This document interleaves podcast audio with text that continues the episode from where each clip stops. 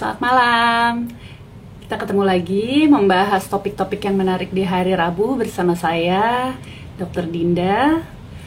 Hmm, topik untuk Rabu malam ini uh, sebenarnya ini adalah pembahasan yang lagi uh, lumayan lagi heboh ya. Hai Mbak, bentar Mbak, jangan masuk dulu. Yang nonton baru Mbak Arti. Oke, jadi belakangan ini memang um, lagi heboh tentang diet pada uh, perempuan karena memang pola diet itu kan macem-macem. Kita udah tahu uh, yang namanya perempuan itu cenderung memerlukan pembatasan kalori atau restriksi kalori supaya bisa mempertahankan bentuk badan yang baik gitu. Sementara perempuan sendiri itu sebenarnya tubuhnya sangat dipengaruhi oleh hormon. Jadi hormon di dalam tubuh perempuan itu sangat fluktuatif. Benar-benar dari mulai siklus haid, kemudian setelah haid ada uh, ovulasi, kemudian menjelang haid uh, ada lagi nih premenopause biasanya menjelang menopause. Halo semua. Nah, biasanya siklus-siklus ini terdapat perubahan dari nafsu makan atau appetite jadi kalau misalnya siapa yang di sini yang saat mau uh, memasuki periode menstruasi itu dia lebih craving terhadap karbohidrat. Jadi uh, lebih ingin makan makanan yang manis biasanya. Kemudian uh, eating behaviornya juga berubah. Biasanya itu menjadi excuse buat perempuan untuk makan lebih banyak di dalam satu siklusnya. Nah, premenstruasi ini sangat berhubungan dengan craving food dan kalau misalnya sampai nggak boleh makan, biasanya cenderung uh, depresi. Ini menurut uh, menurut uh, sumber yang saya baca ya. Ini dalam suatu jurnal. Karena serotoninnya di pada saat premenstruasi itu rendah gitu. Jadi kecenderungan untuk depresi atau um, membutuhkan makan dengan uh, gula yang lebih banyak itu meningkat pada perempuan menjelang menstruasi. Nah, berbagai macam usaha biasa dilakukan oleh perempuan untuk mengembalikan bentuk tubuhnya apalagi setelah uh, melewati kehamilan dan persalinan. Nah, muncullah metode-metode itu.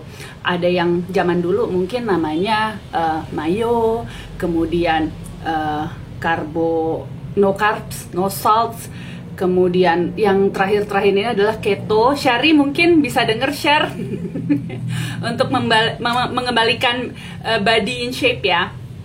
Kemudian uh, olahraga juga dilakukan, tapi yang namanya perempuan memang memasuki usia yang lebih tua biasanya katanya sih susah. Coba nanti kita tanya ya sama sama tamu saya malam hari ini. Padahal sebenarnya manusia tuh membutuhkan keseimbangan energi untuk uh, berreproduksi, untuk onset pubertas. Nah, kalau misalnya nggak seimbang, seperti pada anoreksia, kaheksia, bahkan obesitas itu kan sesuatu yang nggak seimbang. Dia sangat berhubungan dengan um, onset waktu pubertas dan juga fertility atau uh, kesuburan. Nah, biasanya ini untuk orang-orang yang mau program hamil dengan obesitas biasanya harus diet dulu hubungannya ke sana. Nah, ada juga nggak sih sebenarnya hubungan hormon? Uh, jadi kan kalau menstruasi itu kan terjadi uh, feedback positif dan negatif di otak yang mengatur hormon kita estrogen dan progesteron, kemudian hormon-hormon reproduksi kita. Nah, bagaimana sih sebenarnya pola diet yang salah yang kemudian bisa mengganggu uh, dari sistem hormon itu sehingga siklusnya jadi nggak teratur gitu biasanya. Nah untuk itu malam hari ini saya udah mengundang senior saya nih dulu di FKUI uh, Dokter Arti Indira, spesial Master Gizi Klinik ya ternyata Mbak Arti ini ada masternya juga ya, spesialis gizi klinik uh, yang dari tadi udah bergabung sih sebagai orang pertama coba kita cari lagi Mbak Arti, boleh masuk. Ini lagi heboh banget soalnya ini orang-orang.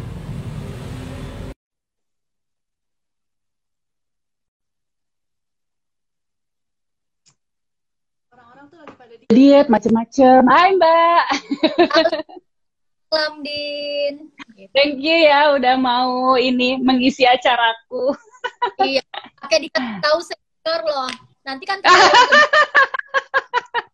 Oh iya, waktu itu sama kali ya. okay. Eh Mbak, lagi gak sibuk nih, ini lagi orang-orang lagi pada heboh dengan diet-dietan nih, biasanya dokter gizi nih ditanya banyak sumber ya tentang ah. uh, diet yang bagus. Iya, mengenai jadi sebelum mulai nih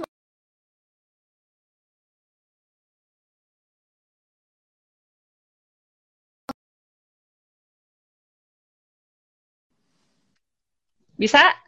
Oke, jadi mengenai ya. diet ya. yang lagi akhir-akhir ini nih, terutama yang memang nanti eh, secara resmi dari Perhimpunan Dokter Gizi ini mau bikin eh, acara sendiri sih sebenarnya hari Oh Minggu. iya, aku udah denger. Heeh. Aku udah lihat flyernya yang ada di IG-nya Mbak Arti ya.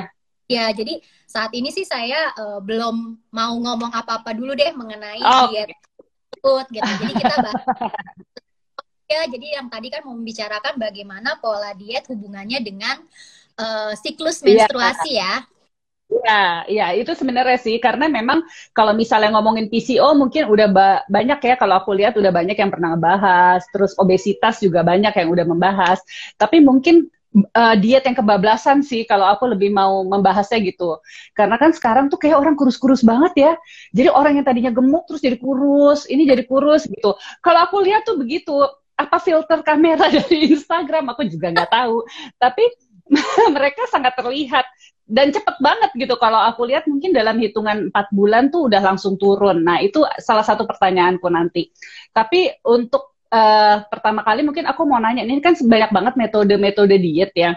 Dulu kita dengar ada mayo kali ya, mayo diet tuh 90-an kali apa 2000-an ya awal-awal. Kemudian restriksi kalori itu mungkin sesuatu yang udah aku jalani juga. Kemudian keto eh, itu keto tuh lebih lemak ya yang di eh, dikonsumsi ya. Kemudian eh, karbonya juga itu sebenarnya cara yang efektif dari sisi seorang dokter gizi klinik tuh sebenarnya gimana sih Mbak diet yang efektif untuk menurunkan berat badan ya terutama perempuan. Hmm. Jadi sekarang konsepnya dulu nih kita benerin. Jadi diet itu asal katanya dari bahasa Yunani. Eh, diatia yang artinya a way of life. Jadi cara Hmm. hidup nih. Nah, tentu saja Hmm. semua orang punya of life atau cara hidup yang beda-beda. Ya bisa Hmm. aja nih eh, a way of life aku, diet aku beda nih dengan Dinda ya. Karena Hmm. banyak faktor yang bikin kita juga aktivitas beda, berat badan, tinggi badan dan sebagainya. Semua orang tuh pasti awa- punya a way of life atau cara diet yang beda-beda. Tidak mungkin ada suatu eh, pola diet yang dapat digunakan oleh semua orang. Nah, Sama ya. balik, balik, balik lagi kan kita juga pasti ada perbedaan setiap orang ya. Nah, Hmm. jadi eh, diet itu nggak melulu hanya untuk menurunkan berat badan, Hmm. tapi Hmm. Eh, dengan misalnya dengan eh, suatu penyakit eh, hipertensi atau diabetes, tentu saja ada juga pola diet atau way of life-nya yang akan dijalani Oh, gitu. Jadi, hanya Hmm. Nah, kalau cara menurunkan berat badan nih, gimana nih caranya? Ini pasti butuh komitmen, disiplin, dan Itu yang susah. yang. Oh, saya di- komitmen sama disiplin, kemudian harus punya plan atau perencanaan yang baik. Nah, Oke. pada dasarnya yang namanya berat badan itu tergantung dari asupan kalori yang masuk dan seberapa banyak Dan- kalori yang dikeluarkan nih konsep dasarnya. Nah berat badan bisa nggak nambah nih jika asupan kalori yang masuk sama dengan asupan yang keluar. Jadi saat, input outputnya sama ya, seimbang. kita seimbang, Nah. balance. Kalau Nah. saat kita berat badan, tentu saja konsepnya adalah apa yang kita makan harus lebih rendah Nah. dan apa yang keluarkan jadi harus lebih banyak. Ya kan? Mm-mm. Nah, kita kita sebut sebagai defisit kalori. Jadi apa pun yang mau dijalanin, caranya seperti apa? Kalau pengen menurunkan berat badan, kuncinya adalah defisit kalori tadi. Oke. Nah, terus sekarang banyak metode-metode yang defisit kalorinya mereka mengurangi si mak- salah satu dari makronutriennya atau makronutriennya ditambahin gitu kan. Itu sebenarnya gimana, Mbak? Kalau misalnya em, menurunkan karbonya atau justru hanya lemak yang dimakan, Yang didominan. dikonsumsi? Nah, itu Nah, dominan. Eh, itu di cara dietnya itu pasti beda. Kalau misalnya Dinda, oh saya pengen memilih untuk nurunin berat badan dengan defisit Hmm. kalori, ini caranya saya pengen pakai keto diet. Kalau saya ya udah silahkan, ya kan. Oh, Tapi oh nggak apa-apa ya? Nggak apa ya. letak makan itu yang mesti di, uh, dipelajari. Makanya tadi perlu perencanaan yang baik. Oh, oke okay, oke. Okay. Sekarang Dinda uh, lagi ngetren nih plant based uh, vegan. Uh -uh. Iya iya. Uh, plant based. Nah itu pun juga uh, biasanya oke okay, kamu mau caranya ini. Nanti berapa banyak yang dikonsumsi, yaitu defisit kalori, kemudian bagaimana kebutuhan proteinnya agar terpenuhi, biar tidak terjadi uh, pemecahan massa otot yang berlebihan, itu yang diatur. Caranya Dinda mau apa, mau teman-teman di sini mau pakai apa, itu balik lagi ke orangnya. Kadang-kadang setiap orang buat menemukan diet yang cocok buat dia, suka trial dan error. Belum ketemu nih mana yang pas buat the way nya dia hmm. gitu. Penting. Jadi sebenarnya boleh ya Mbak, maksudnya uh, idenya dari aku, misalnya aku konsul ke dokter gizi, aku pinginnya uh, karbonya didikitin, terus nanti diaturin gitu, boleh sebenarnya. Nah itu makanya itu biasanya uh, berdasarkan kompromi nih. Kalau misalnya ternyata Dinda oh, okay. turunin berat badan aja, nggak ada kelainan di uh, metabolisme lemaknya, jadi nggak hiperkolesterol, hmm. Kemudian nggak ada hmm. diabetes, nggak ada PCOS biasanya lebih gampang nih komprominya. Oh, aku pengen kayak kan kita lihat lagi nih secara teori keto diet memang berhasil buat menurunkan berat badan jika dijalankan 3 sampai dengan 6 bulan nih. Tapi kalau misalnya oh, untuk jangka juga biasanya nggak merekomendasikan. Jadi kalau sudah tercapai targetnya nih, biasanya saya sarankan nih dengan uh, meneruskan dengan balance diet karena kita lihat sendiri dari uh, asupan makan ketonya diet sendiri kan biasanya nggak mengkonsumsi sayuran dan buah-buahan ya. Ya. Nah, saya aku belum pernah keto. Oh, mereka nggak makan sayur sama buah? Uh, sangat uh, restriktif. Jadi dikit uh, ya. Oh, oke. Okay. Lemaknya yang diperbanyak. Uh, sayur dan buahnya ini ada beberapa yang dipilih saja dan kadang-kadang okay. ada yang cuma ada hari-hari tertentu yang boleh ada karbonya. Jadi tipenya hmm. pun banyak. Ada yang pakai puasa, ketofastosis, ada yang enggak. Nah, ketonya sendiri juga hmm. macam-macam nih. Nah, tapi dalam jangka panjang biasanya juga saya nggak rekomendasikan. Jadi lihat lagi nih ke pasiennya. Kalau ternyata dengan keto terus dia ngomong dok tapi kolesterol saya langsung melonjak naik, ya pasti nggak saya saranin dong. Oh, jadi kalau misalnya kita mau konsul ke dokter gizi, idealnya memang diperiksa dulu ya, uh, apa pemeriksaan laboratorium darahnya, dilihat baseline uh, apa kesehatannya dulu ya. Idealnya harus kayak gitu ya. Ada baseline datanya, mulai dari standar uh. ya. Kalau memang perempuan hmm. sering kali dengan ya defisiensi zat besi, juga hasil anamnesis hmm. nih saya nanya ini. Gimana iya, iya. Uh, ada keluhan pusing atau lemes dan segala macam pasti ada. Berikut juga um, uh, profil lemaknya kemudian gula darahnya beberapa vitamin misalnya vitamin D itu juga sering kali saya cek gitu. Jadi um, yeah, yeah. hanya nurunin berat badan tapi kesehatan jangka panjangnya itu yang pengen raih juga nih. Dan Iya sih karena kan memang biasanya kalau perempuan dia tuh akhirnya naiknya cepet malah lebih tinggi daripada sebelumnya ya sebelum diet biasanya tuh yoyo banget kalau perempuan itu yang nggak kita pengenin karena pengennya dia nah. itu kan seumur hidup apa pun yang nah. dia kerja dia pilih itu bisa bertahan lama bisa konsisten nah. itu yang pengen diharapin dan bisa sehat dong mm -mm. tentunya mm -mm, ya terus mbak kalau misalnya orang per, seorang perempuan kan menstruasi pasti ada hor, ada keseimbangan hormonnya ya kapan estrogennya harus naik, kapan kemudian dia harus turun di di masa menstruasi.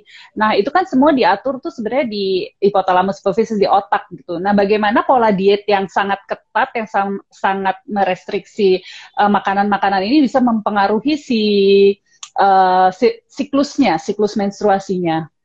Iya, hmm. memang uh, tadi ada beberapa diet yang misalnya pas waktu defisit kalorinya ini terlalu berlebihan. Nah, kan okay. ada diet Itu biasanya kalori yang mana, Mbak? Kalori yang, yang kita konsumsi. Jadi kan tadi buat Oh, apa pun ya. Oke. Okay. Berapa sebelumnya kita tahu dulu nih kebutuhannya kita berapa. Nah, kalau hmm. udah tahu kebutuhannya ini tergantung dari misalnya uh, jenis kelamin, kemudian usia, berat badan, tinggi hmm. badan, aktivitas harian, ada atau enggak penyakit yang mendasari. Kalau udah tahu berapa, baru kita dari situ mau nih berapa defisit yang mau kita kerjakan. Uh, teorinya sih sekitar 20% hmm. defisit atau mengurangi sekitar 500 sampai 1000 kalori per hari dari kebiasaan makannya atau kebutuhannya. Dikuranginnya sampai 1000 boleh, Mbak? Ada nah, kalau, minimal kalorinya nggak sih? Nah. Kalau makannya dari awal udah 3000 ya dikulangin 1000 2000 masih banyak. ya kan? oh iya iya, ada batas minimal nggak berapa kalori per hari yang boleh gitu, yang nggak yang nggak akan mengganggu siklus haid? Biasanya sih kalau misalnya buat uh, biar berat badannya tetap turun tapi siklus hormonnya bagus, sebaiknya itu hanya di uh, low calorie diet. Jadi sekitar 1200 1500 kalori itu biasa kita hmm. pertahankan di. Tapi kalau sudah uh, VLC di very low calorie diet, jadi di bawah 1000 kalori, bahkan yang tren sekarang tuh sekitar 500 800 kalori. Nah, itu yang sering kali dengan gangguan hormonal, kemudian juga dengan uh, defisiensi uh, mikronutriennya juga ada makin lain ya. Mm -mm. Nah, nah itu benar nggak sih? Nah, gimana gimana? Kalau, nah. kalau diet yang ketat, nah tentu aja tuh dapat menyebabkan seseorang ini kekurangan zat gizi, terutama mikronutriennya, mm. vitamin dan mineralnya. Nah, yang hal-hal tersebut itu dapat membuat siklus menstruasinya jadi terganggu. Nah, mm. jadi jangan sampai dietnya ini terlalu rendah, kekurangan beberapa zat gizi, akhirnya si estrogen, progesteronnya ini uh, pengeluarannya juga akhirnya jadi terganggu.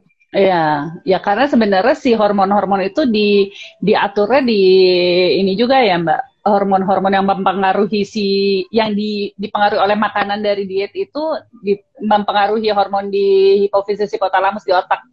Di otak juga ya, iya. ya, jadi kayak ada gangguan pastinya nah, ada gangguan ada asupan uh, nutrisinya. Ada faktor genetik nggak sih? Karena uh, jadi aku tuh susah banget menurunkan, aku jadi konsul, aku susah banget menurunkan berat badan pas udah mau memasuki 40 gitu. Susah banget. Kenapa ya? Dan orang tua aku ternyata juga kayak gitu. Dan sepupuku juga kayak gitu gitu. Kenapa nih kita nggak naik aja tuh udah untung? Padahal kan dulu aku kayak kurus banget yang mau makan apa aja tuh bisa gitu. Itu sebenarnya ada genetik nggak sih? Up, jadi uh, yang paling uh, enaknya tuh sekarang kita sudah uh, dokter gizi tuh udah bisa melakukan pemeriksaan lebih lanjut nih termasuk dari hmm. pemeriksaan faktor risiko uh, obesitasnya secara melalui pemeriksaan nutrigenomik. Jadi, oh iya iya, aku kemarin ditawarin tuh nutrigenomik. Oh, iya iya. Pemeriksaan genetik yang berhubungan dengan nutrisi nih. Nah di situ uh, bisa dilihat untuk weight manajemennya, jadi pengaturan berat uh, badannya.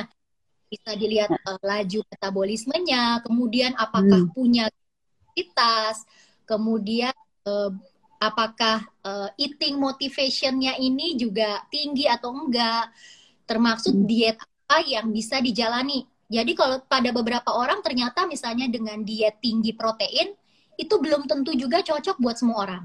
Padahal hmm. sering kali kita lihat orang-orang yang pengen nurunin berat badan memasukkan protein yang lebih banyak dari biasanya. Iya, iya, iya benar itu. Kita diatur oleh gen kita. Ada uh protein yang tinggi, berat badannya malah jadi nggak turun. Nah, itu Berarti kalau misalnya kita belum bisa memeriksakan si gen gen ini, lebih baik kita memang mencoba-coba pola diet mana yang cocok buat kita gitu ya? Ya kan jadi kayak coba-coba ya. Coba ini nggak berhasil, nah. oh berarti tetangga yang lain yuk ikutan juga. hmm. uh, diet ikutan juga. Nah, nah kita lebih jadi kayak terarah. Kita punya baseline yeah. data genetik kita Dan memang sudah ada di jurnal juga nih, ada kelompok orang yang menjalankan diet berdasarkan profil genetiknya dan yang tahu seperti apa, sama-sama jalanin diet.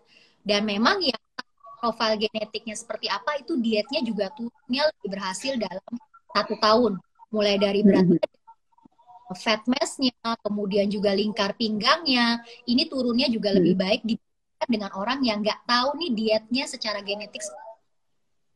Iya. Nah, untuk tadi kan berarti uh, membahas tentang metabolisme ya.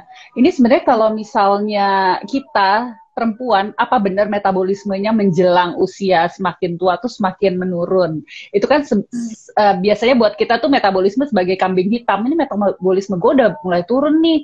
Makanya uh, berat badannya susah naik gitu.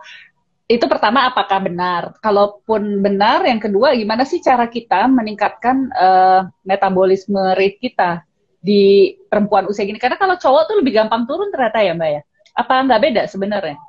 Iya. Ada perbedaan? Ya nah, kan? kalau ya, itu aja perbedaan. Cowok hormonnya uh, terus hormon kelaminnya cuma mm nggak -hmm. kayak kita, mm -hmm. ya kan? Oh, misalnya kita banyak banget dengan suami misalnya, mm misalnya dia sama menurunin berat badan, ternyata pas menjalani program yang sama, pola makannya yang mirip, kemudian olahraga yang sama, hmm. suami turun lebih cepat, lebih bagus. Iya, iya, iya, iya, iya, pakai hati, iya benar. Padahal larinya sama pan sama gitu jaraknya, tapi kenapa dia lebih? Makanya kalau mau kompetisi buat nurunin berat badan jangan sama cowok aja. Oh jangan sama cowok ya, sama temen aja ya. Lebih pressure kalau sama temen mbak pada cowok aja uh, sama cowok aja jenis kelamin yang berbeda kita sudah berbeda nih uh, hormonal. Yeah. Kemudian dengan bertambah usia juga pasti ada proses aging tadi nih. Agingnya nggak yeah. hanya dalam sistem hormonal kita, tetapi juga mm. bu termasuk yang mengatur uh, metabolisme, enzim-enzimnya, kemudian hormonnya itu juga semua mengatur proses aging. Jadi gimana mm. caranya kita tetap uh, bisa berat badannya berat badan yang ideal. Inilah, uh, uh, itu meningkatkan metabolismenya gimana Mbak jadinya? Ya pertama memang tadi bahan-bahan makanannya juga harus yang mendukung untuk uh, metabolismenya tetap jalan. Jadi makan jangan terlalu sedikit. Kalau udah terlalu sedikit tadi masuk ke VLCD. Oh, very low. Jadi berjalan lebih lambat. Jadi makan harus sesuai okay. dengan kebutuhan proteinnya juga harus cukup sesuai dengan kebutuhan. Kemudian olahraga juga harus dijalani. Olahraga nggak hanya nih kardio, misalnya hanya jalan aja, tetapi muscle training, jadi olahraga hmm. untuk membentuk otot atau mempertahankan masa otot juga harus dilakukan. Karena kan uh, ya. yang melakukan pembakaran kalori itu adalah di muscle-nya kita ya. kan. Jadi otot itu bertambah usia, kita nggak uh, nggak misalnya nggak ngapa-ngapain itu juga pasti secara aging juga akan uh, pecah sendiri gitu. Jadi akan turun sendiri. Iya sih. apalagi kan, mungkin ototnya juga mengalami aging ya mengalami penuaan hmm. ototnya jadi lebih lebih susah untuk uh, membesar ya nggak sih? Ya susah dibentuk tapi bukan tidak mungkin. nah, oh, jadi kuncinya. Konsisten tetap ada excuse. tetap bisa tapi ya mungkin kita waktu yang lebih lama mesti lebih sabar tapi bisa yeah. uh, Instagram itu nenek-nenek udah 70 tahun atau kakek-kakek 80 tahun tapi muscle-nya ini mas kayaknya kita kalah hmm. semua iya yeah.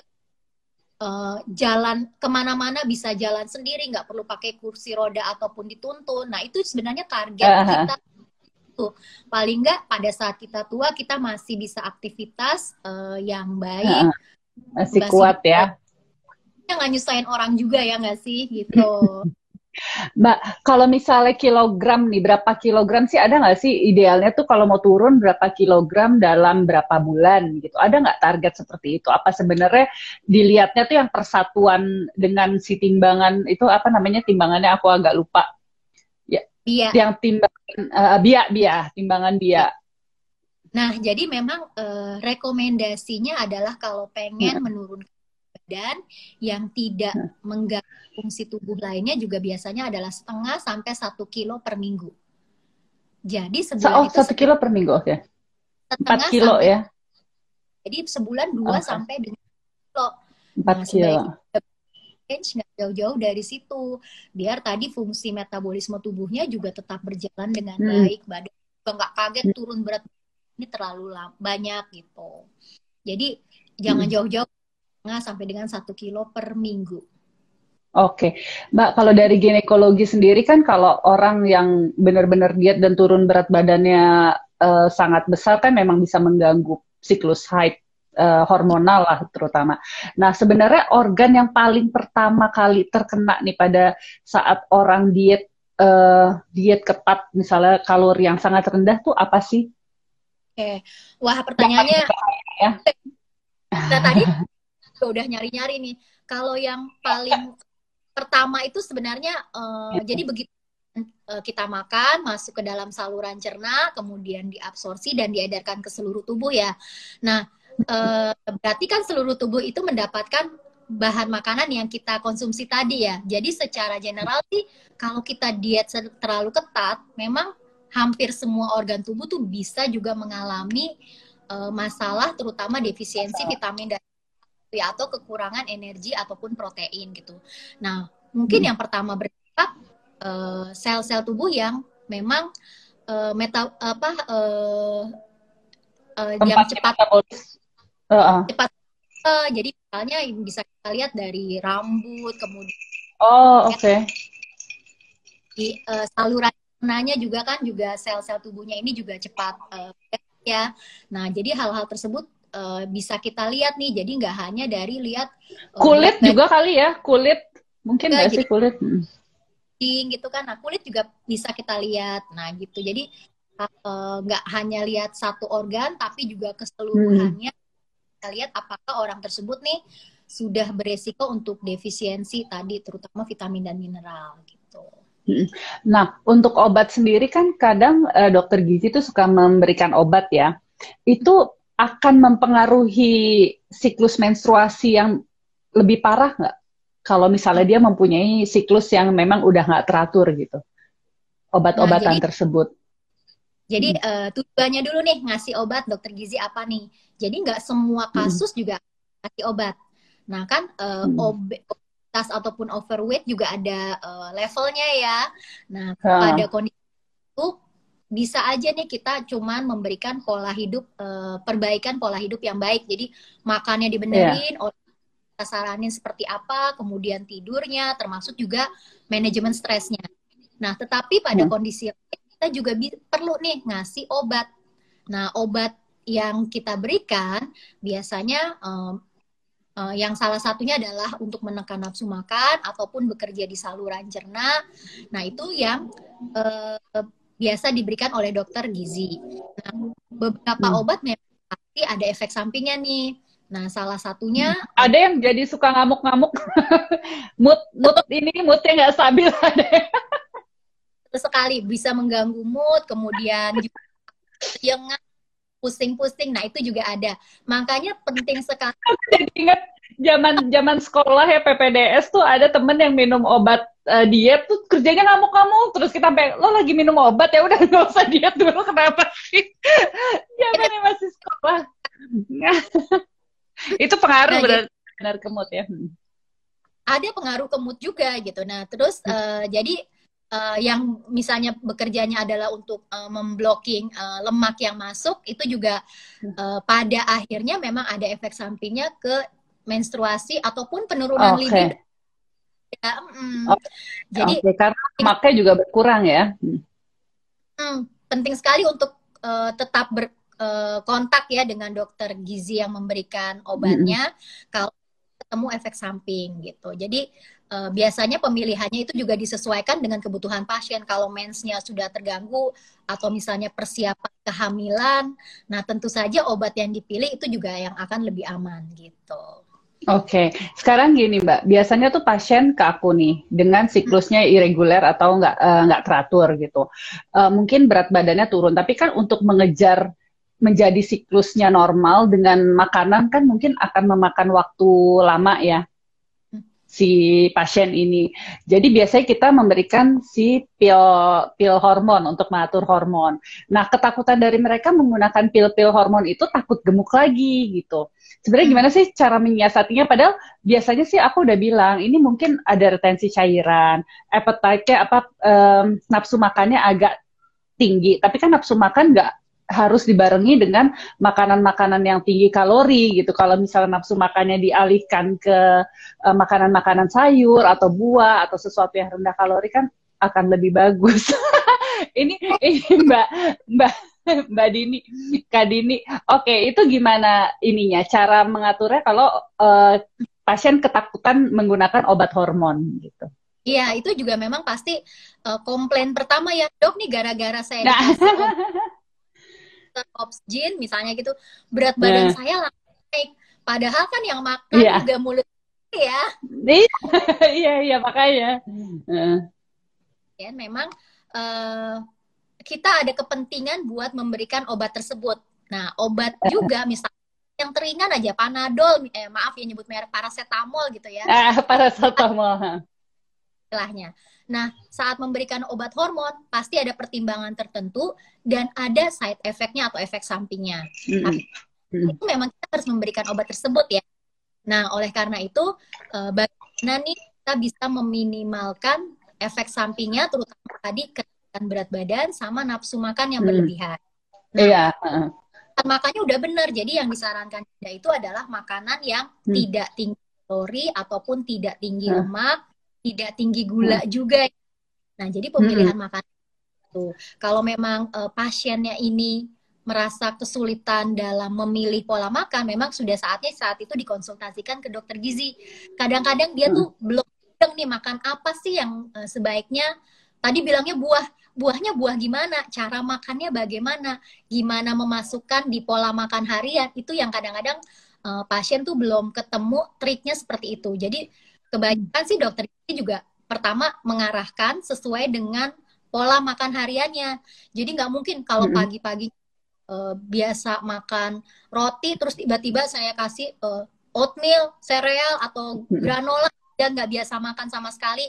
Jadi sering kali kita sesuai nih kalau pagi misalnya uh, rotinya kita ganti roti gandum ya karena keuntungannya gandum uh, seratnya lebih banyak jadi mempertahankan rasa yang lebih lama Kemudian temennya nih jangan Nutella ya. Nanti kita sarankan hmm. mungkin uh, selai yang rendah kalori ataupun misalnya keju low fat ataupun kalau uh, rajin masak boleh pakai mesh uh, apa alpukat di mesh gitu di yeah. bikin sandwich. Jadi banyak hal-hal seperti itu yang bisa diajarkan ke pasien untuk pemilihan makannya itu menjadi lebih sehat. Mm -mm. Jadi kadang-kadang pada belum mesti lain gitu. Iya dan kadang-kadang kan uh, pasien-pasien itu juga sibuk ya. Jadi mereka untuk nyiapin makanan atau mereka di kantor gitu biasanya akhirnya pesan makanan dari luar yang nggak jelas juga makanannya apa. Biasanya sih kendalanya gitu dan goreng-gorengan yang paling paling mudah dimakan ya biasanya. Nah, kalau pasien datang dengan siklus nggak teratur nih, ada pasien satu obesitas dan satu yang uh, kurus gitu. Biasa kan kalau pasien dengan gangguan hormon atau PCO, kita kan merubah gaya hidupnya dulu dari olahraga dan makanan. Nah, pertanyaan selanjutnya mungkin makanan seperti apa dok? Pasiennya udah langsing, udah singset, bahkan kurus gitu. Memang biasanya aku akhirnya menyarankan ke dokter gizi aja gitu. Cuman mereka uh, ada yang mau, tapi ada juga yang nanti dulu deh saya coba makan makan uh, lebih rapih lagi gitu. Sebenarnya perbedaannya apa sih untuk mendapatkan siklus haid yang teratur pada kedua pasien yang di satu obes, satu langsing, satu lean gitu. Satu lean. Nah itu memang juga sering ketemu hmm. ya pada uh, lean PCO ya. Uh, hmm. Memang ada 10 sampai 20 persen yang uh, memang dengan 20 persen. Uh, ya pada hmm. PCO uh, dari awalnya kebutuhan kalorinya tentu saja berbeda. Jadi uh, yang akan diberikan berapa banyak itu pun juga hmm. akan berbeda. Nah, kalau untuk pemilihan makanan biasanya nggak akan terlalu berbeda nih. Jadi uh, karbohidratnya pasti akan disarankan karbohidrat yang kompleks. Jadi yang uh, tidak terlalu meningkatkan gula darah dalam jangka waktu gula yang darahnya cepat. ya. Uh, gula uh -uh kemudian proteinnya bisa ini mulai dari hewani maupun nabati. Tetapi usahakan proteinnya jangan yang tinggi lemak nih, terutama yang hmm. lemak yang jenis pun trans nih. Nah itu jadi disarankan pemilihan makanannya seperti apa. Lemak itu pun okay. juga tetap jangan sampai makan gak ada lemaknya. Soalnya kan lemak itu diperlukan untuk membentuk hormon kelamin kita ya, iya. estrogen yeah. dan uh -huh. juga dibuatnya dari lemak. Jadi, ya ke siklus haid ya. Mengkonsumsi lemak yang baik itu juga penting. Kemudian untuk mengangkut vitamin dan mineral itu juga perlu lemak. Jadi jangan sampai makan nggak ada lemaknya ya. Tapi lemak yang mana itu yang akan disarankan. Nah, kemudian okay. uh, yang khas pada pasien PCO itu adalah uh, maupun lean maupun obes masa ototnya masih bagus. Karena tadi hormon oh. androgennya kan ya. Iya, tinggi. Iya benar, iya benar. Dia Jadi, ototnya bagus ya. Bagus gitu. Jadi itu yang kita pertahankan. Gimana caranya nih udah defisit kalori tapi masa ototnya itu nggak turun. Nah, nggak turun. Oke. Okay. Proteinnya ditinggiin dong. Ya, proteinnya harus cukup. Kemudian hmm. uh, apa raganya, muscle training dan kardionya juga harus kita anjurkan. Oke, okay. uh, eh, Mbak, satu lagi pertanyaan dari aku. Nanti kita jawab uh, pertanyaan ini banyak banget yang masuk ya, Mbak. Uh, perempuan yang udah melahirkan cenderung bermasalah dengan uh, perut, lingkar perut yang semakin lama semakin besar gitu. Sementara kan kita tahu sendiri nih kalau lingkar perut sebaiknya nggak lebih dari 80 cm, apa benar? 80 cm yeah. kan ya. Nah, uh, tapi kan semua perempuan itu kan biasanya kalau udah melahirkan dia uh, panggulnya tuh kan ginekoid banget gitu, apa uh, lebih gede gitu, jadi pear shape. Nah, yeah. itu gimana sih kalau misalnya memang lingkar perut 80 kan nggak nggak semua perempuan juga gitu loh bisa punya lingkar pinggang 80 itu gimana, Mbak? Hubungannya yeah. dengan si uh, polanya ya nanti seperti apa pasca persalinan ini ya, pasca melahirkan. Nah, kalau misalnya dari jurnal sendiri nih udah dibilang nih kalau misalnya uh, beberapa perempuan memang berisiko untuk tadi penumpukan lemaknya di daerah pinggang akan lebih banyak postpartum mulai dari usianya misalnya Pak. Kemudian kehamilannya ini udah yang di atas bulan kedua. Nah, itu juga akan iya, semakin iya, Nah, uh, jadi kedua hal tersebut mulai dari kehamilan hmm. itu juga bikin uh, seorang perempuan makin sulit untuk uh, menurunkan lemak yang ada di perut. Mm -hmm. Nah, program uh, penurunan berat badan atau fat loss ini ini juga nggak bisa milih nih. Saya pengen perutnya aja nih yang turun, ataupun misalnya uh, di panggulnya itu aja yang turun nah nggak bisa gitu jadi ada juga uh, kalau bisa yang dipanggul naik ke atas gitu. dari atas nggak usah berubah turun ada juga yang kayak gitu kan selain ke beda plastik nggak bisa ya mbak yang mana yang penting adalah uh, berat badannya menuju yang ke ideal. Nah, sering yang sering okay. kali saya waktu diperiksa tadi dengan dia masa hmm. otot perut dan masa uh, itu masih bagus. Tapi memang penumpukan lemak yang berlebihan tadi karena faktor faktor uh, jumlah paritasnya itu yang membuat uh, si lemak bertahan di situ. Nah, kalau di jurnal mm -hmm. penting konsisten dan sabar tapi kan itu bete ya kayaknya sabar gitu ya. Nah memang iya. kalau misalnya udah nggak sabar banget biasanya saya sarankan beberapa tindakan operasi mulai dari liposuction ataupun kan. Nah, tapi lihat lagi kalau misalnya liposuction tapi pola makannya jadi mulutnya yang nggak bisa dijaga, bisa lagi bentuk seperti itu. Gitu. Iya, iya. Tapi biasanya untuk mengembalikan tanpa tindakan operatif tuh berapa lama? Kalau orangnya benar-benar komit gitu? Komit itu biasa dari enam bulan pun sebenarnya sudah bisa mulai tuh. 6 bulan. Nah, tadi defisit kalori dengan asupan pola makannya sama olahraganya juga dikerjakan dua-duanya kardio maupun yeah. muscle.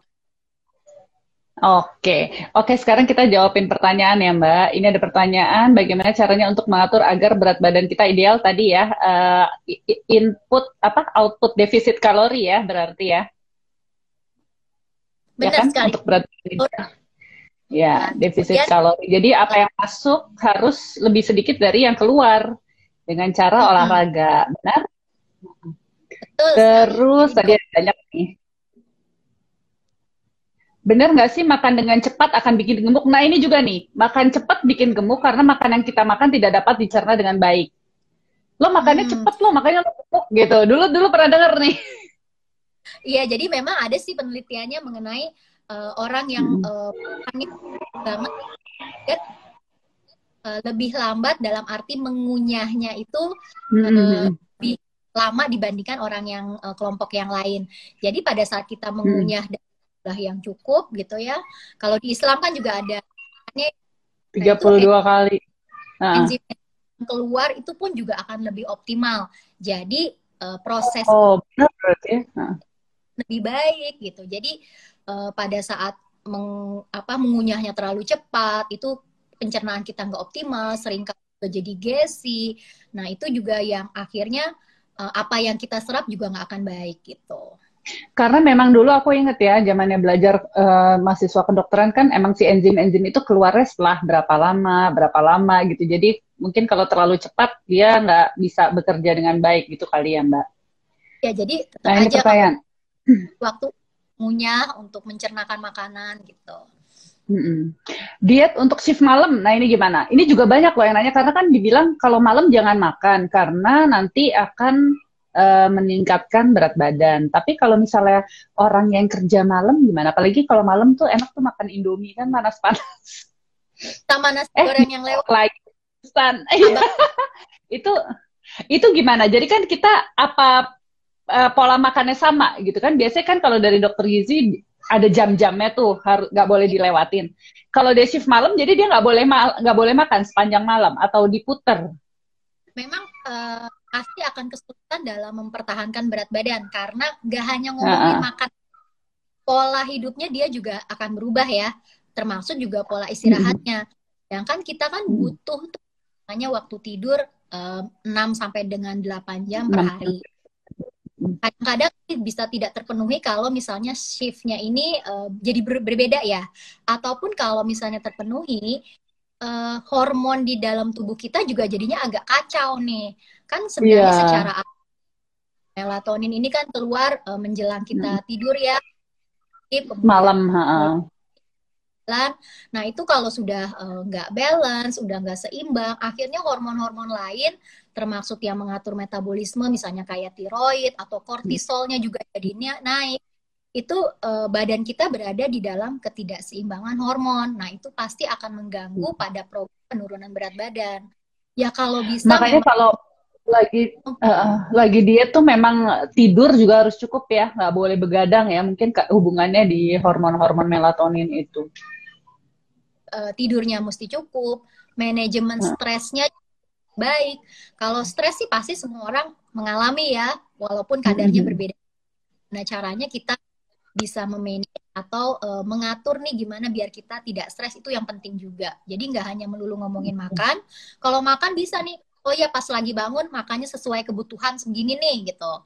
Uh, ber, uh, misalnya 500 kalori makanya segitu aja. Tapi gimana dia bisa nggak sih melakukan aktivitas fisik tambahan? Kalau malam-malam kadang-kadang udah mau olahraga mau ke mana ya gitu atau misalnya dia tidur belum yeah. lagi kalau lebih beda. Iya. Uh, nah, ini dia. Dengan pandemi ini banyak yang berat badannya naik loh, Mbak. Kalau hmm. lagi pandemi gini bagaimana, mungkin secara singkat aja bagaimana pandemi tetap diet tapi badannya tetap fit. Okay. Mungkin ini maksudnya. Boleh nggak sih diet? Ha? Nah, jadi memang pada uh, pandemi ini saya banyak banget ketemu pasien yang berat badannya naik arah nah. pasien yang pertama udah udah sukses nih kema zaman uh, sebelum pandemi balik lagi dok saya berat badannya naik. Pertama memang aktivitas fisiknya juga lebih turun. Kemudian kedua karena memang uh, di rumah nggak ada ngapa-ngapain akhirnya uh, banyak yang ngirim makanan atau uh, pesen hmm. makanan sekarang lebih gampang. Nah, nah. oleh karena itu boleh nggak diet saran saya memang harus nurunin berat badan menuju berat badan idealnya. Tetapi dietnya atau defisit kalorinya itu jangan terlalu restriktif, jangan terlalu berat, besar gitu. Jadi tetap nurunin hmm. adalah pelan-pelan tetapi menuju target, kemudian aktivitas fisiknya dikerjakan. Jadi uh, olahraganya yang biasanya sekarang orang-orang jadi jadi cari cara misalnya uh, olahraganya pakai masker tapi uh, intensitasnya sedang gitu. Jadi kan nggak nggak ada masalah kan. Jadi tetap keluar tapi terlalu banyak ketemu orang. Atau misalnya olahraganya di rumah dimaksimalkan alat-alat yang ada di rumah. Jangan sampai treadmill buat gantungan anduk doang nih yang sering saya temuin. Itu gitu. itu treadmillku. Banyak itu pasien gitu soalnya. Dibeli tapi buat gantungan baju Rata aku nggak sendirian ya. Dengan PT online, kemudian menggunakan YouTube sekarang sudah banyak programnya di Instagram yeah. pun alasan deh nggak bisa muscle training. Sudah banyak yang memberikan gerakan yang kita ikuti di rumah. Nah, jadi tadi boleh diet tapi jangan terlalu restriktif karena overweight tas itu juga meningkatkan risiko untuk terpapar virus COVID yang lebih berat uh, klinisnya ya. Iya. Jangan sampai obesitas. Kalau pas kena COVID, uh, klinis kita jadi lebih berat, sakitnya bisa sampai masuk ICU. Dan itu udah ada di jurnal ya, Dini. Kalau dengan iya, iya. Tapi banyak sih yang banyak ya Mbak, kalau kalau yang datang ke aku tuh anak-anak ABG gitu Mbak. Jadi anak-anak ABG, anak SMA, kuliah itu yang berat badannya naiknya gila-gilaan. Mungkin kalau udah ibu-ibu tuh mereka lebih concern sama kesehatan ya. Kalau anak-anaknya ini bisa sampai 10 kilo biasanya mereka kalau akhirnya siklus haid yang nggak teratur kan dibawa ke aku. Itu mereka naik berat badannya sampai 10 kiloan dan rata-rata tuh anak-anak muda ini nih SMA dan kuliah. Kuliah-kuliah yang masih online kan kuliahnya dan mereka cenderung di kamar nggak mau keluar gitu-gitu. Nah ya itu karena memang uh, pola hidupnya jadi berubah banget. Kalau dulu kan mm -hmm. masih berapa sekolah masih jalan, mungkin sekolahnya mm -hmm. naik tangga. Kemudian ada olahraga misalnya dua kali seminggu, belum lagi lesnya. Jadi aktivitas mm -hmm. fisik. Iya benar. Nah itu Kurang sekarang banget. jadi gimana caranya nih kalau misalnya remaja apalagi dalam masih dalam masa pertumbuhan biasanya dietnya pun nggak bisa restriktif karena kita mempertimbangkan hmm. masa tumbuhnya tadi kan masa tumbuhnya ya. waktu nih buat uh, yang masih SMA misalnya SMP SMA hmm. nah hmm. itu aktivitas fisiknya ditambahin jadi uh, minimal setengah sampai satu jam itu dalam sehari itu ada untuk bergerak-gerak nih entah ikutin tadi hmm. YouTube atau kalau ada fasilitas di rumah treadmill, pakai kolam renang, anak lebih didorong untuk lebih aktif gitu. Nah itu pasti susah ya. Ya tapi harus seperti itu. Kalau enggak ya harus. ya terus hormonnya terganggu. Iya, iya. banyak yang gitu mereka. Ibunya lebih fit dibanding anaknya gitu karena anaknya benar-benar lebih seneng uh, online apa uh, chat sama temennya di dalam ruangan, nggak mau kena matahari, biasanya kayak gitu.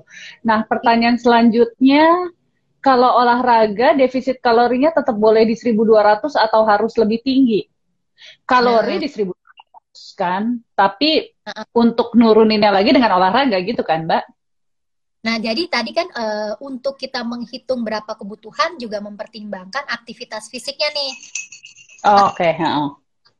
Olahraganya uh, jalan kaki 30 menit misalnya tentu saja berbeda misalnya dengan olahraganya yang harian itu mulai jogging, lari ditambah muscle training.